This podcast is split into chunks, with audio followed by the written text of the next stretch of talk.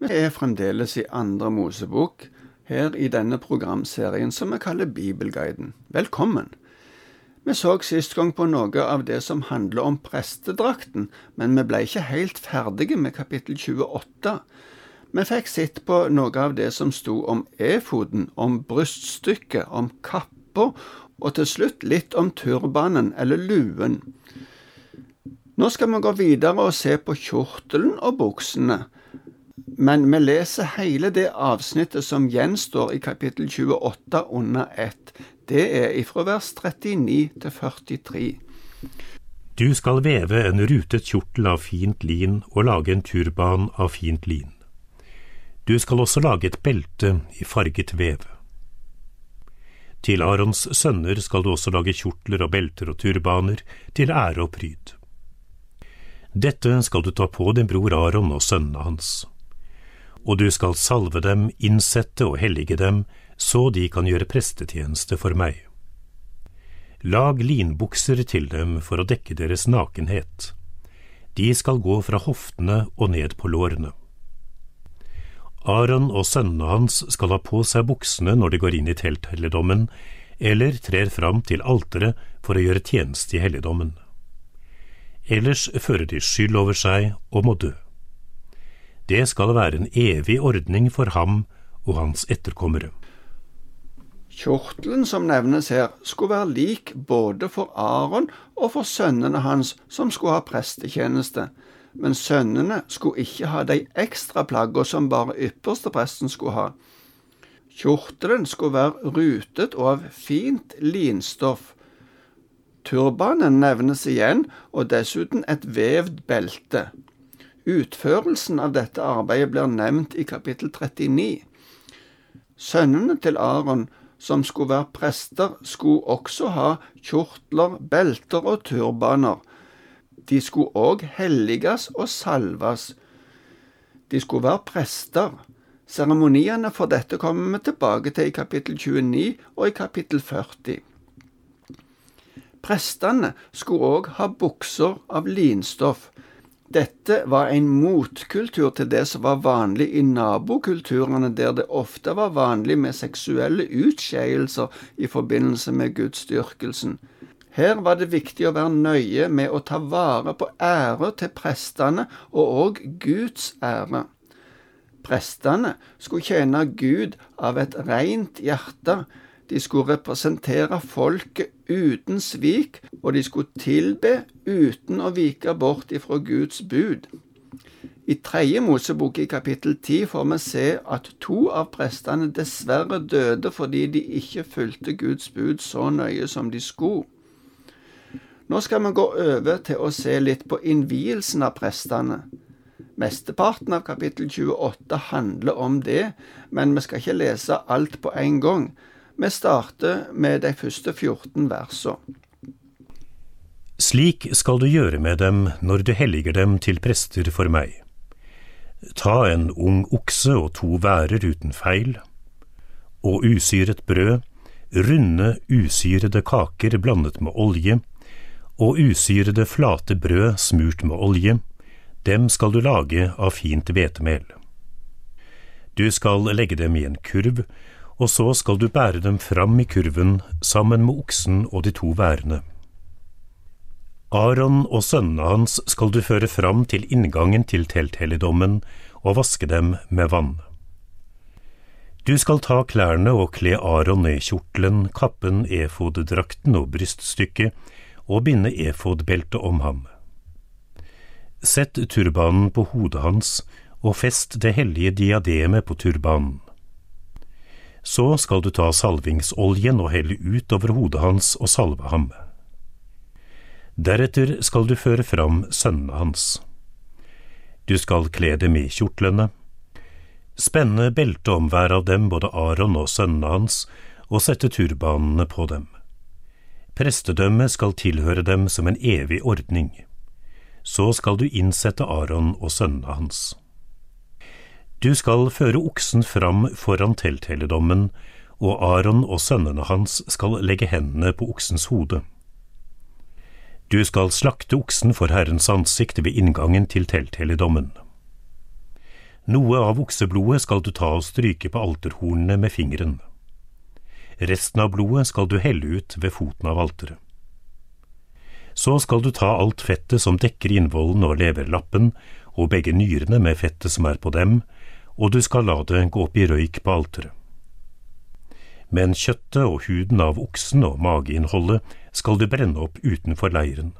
Det er et syndoffer. I teksten vår står det om å hellige til prester. Vi ville kanskje sagt innvie eller ordinere.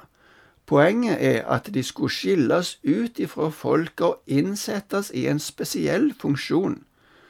I denne seremonien skulle det ofres én okse og to værer. Det presiseres òg her, som ellers når det gjaldt offerdyr, at de skulle være uten feil. I forbindelse med ofringer og andre seremonier i gudstjenesten skulle det brukes usyra brød. Til bruk som mat for folk flest var det vanlig å ha surdeig i brødet. Aron og sønnene hans skulle først vaske seg. Etterpå skulle de ta på seg de spesielle klærne som vi har snakket om i kapitlet før, og Aron, som skulle være ypperste prest, skulle ta på seg de ekstra delene som hørte til hans drakt. Så skulle Aron salves med den spesielle salvingsoljen. Etter at de hadde fått på seg de spesielle klærne, skulle de legge hendene på hodet til oksen.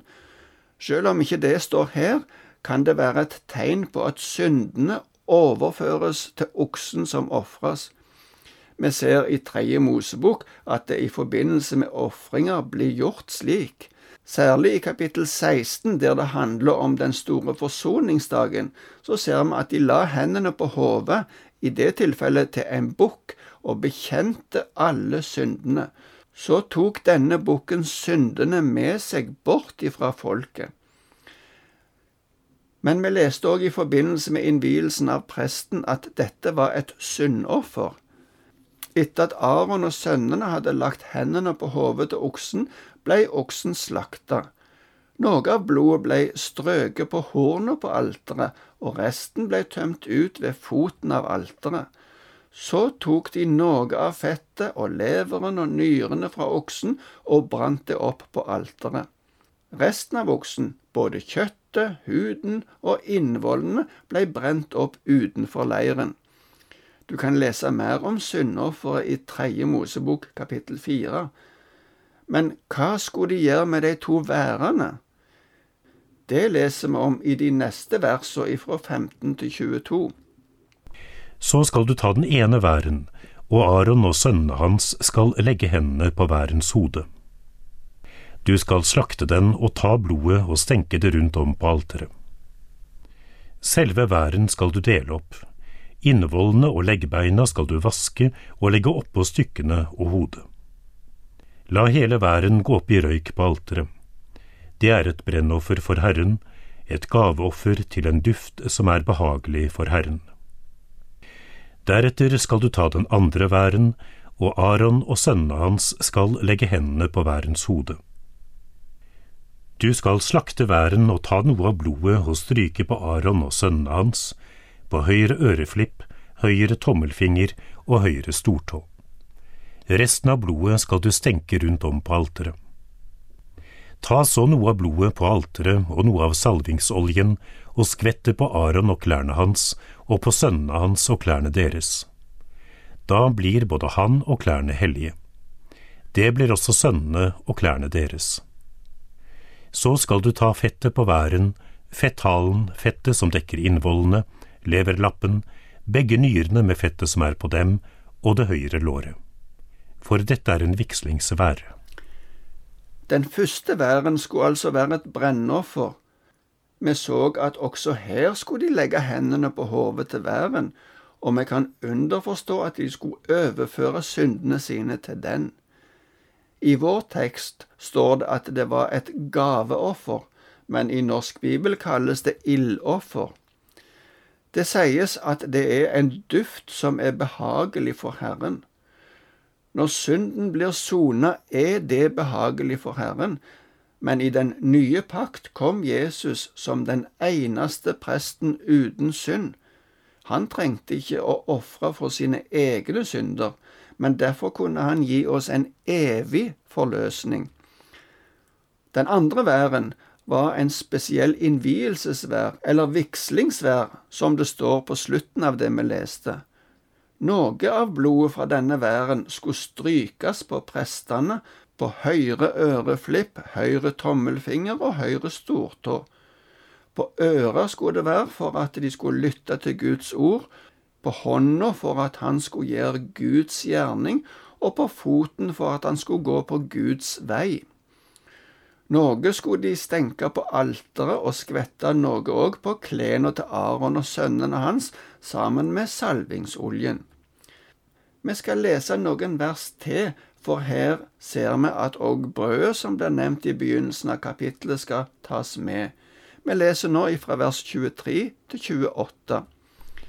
Fra kurven med usyret brød som står for Herrens ansikt, skal du ta et rundt brød, en oljekake og et flatt brød.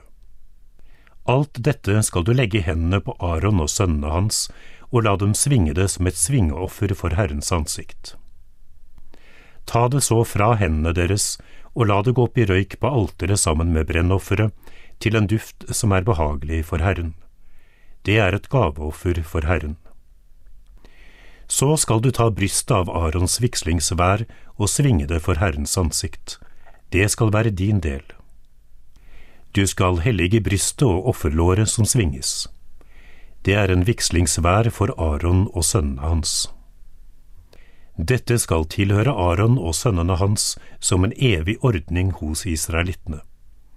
For det er en offergave, en gave som israelittene skal gi av sine fredsoffer, en gave fra dem til Herren. Kjøttet fra væren og brødet blei altså lagt i hendene på prestene. De skulle løfte det opp og svinge det for Herren. Offeret tilhørte egentlig Herren, men her får prestene det som en gave ifra Herren, og det skulle oppbevares hos deg og være deres mat. I framtida var dette en ordning der prestene skulle få en del av ofringene som israelsfolket kom til Gud med. Mye mer kunne vi nok ha stoppet opp for tekstene her, men vi kan ikke få med oss alle detaljene i denne formen for gjennomgåelse. Det er òg litt mer igjen av dette kapittelet, men det må vente til neste gang. Takk for nå, og Herren være med deg.